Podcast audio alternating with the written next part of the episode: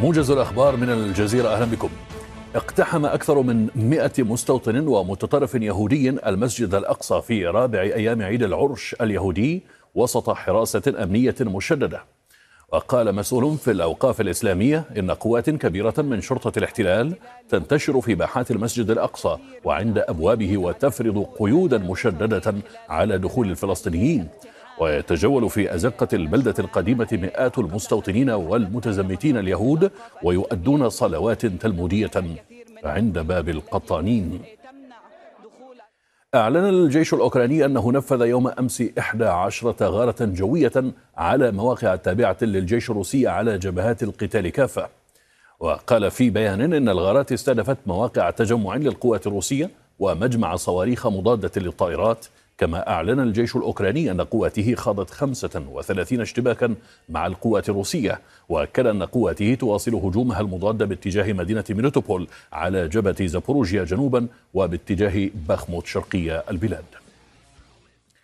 قال مسؤول السياسة الخارجية في الاتحاد الأوروبي جوزيف بوريل خلال اجتماع عقده وزراء الخارجية الأوروبيون في كييف إن أقوى التزام أمني يمكن تقديمه لأوكرانيا هو منحها عضوية الاتحاد. من جهتها قالت المتحدثة باسم البيت الأبيض إن الإدارة الأمريكية ستعلن قريبا تقديم حزمة مساعدات جديدة لأوكرانيا. وأكدت أن واشنطن وحلفائها سيواصلون تقديم الدعم لأوكرانيا مهما طال الأمر. اتهم رئيس وزراء كوسوفو صربيا بالتخطيط لشن هجمات في بلاده وقال إن الصرب الذين اشتبكوا مع قوات الأمن الكوسوفية الأسبوع الماضي تدربوا في قاعدة للجيش الصربي. أكد رئيس أركان الجيش الصربي ميلان مويلوسوفيتش إن عدد قوة بلاده على طول الحدود مع كوسوفو عاد إلى وضعه الطبيعي.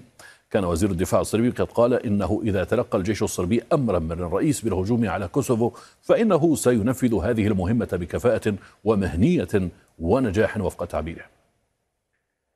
من ناحيته أعلن حلف شمال الأطلسي أنه سينشر نحو 600 جندي بريطاني في كوسوفو لتعزيز قوته المنتشرة في البلاد.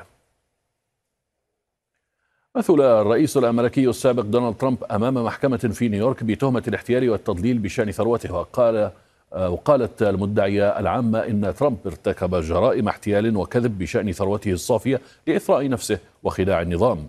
قال ترامب من جهته إن هدف الدعوة هو منعه من خوض الانتخابات. ختام الموجز إلى اللقاء.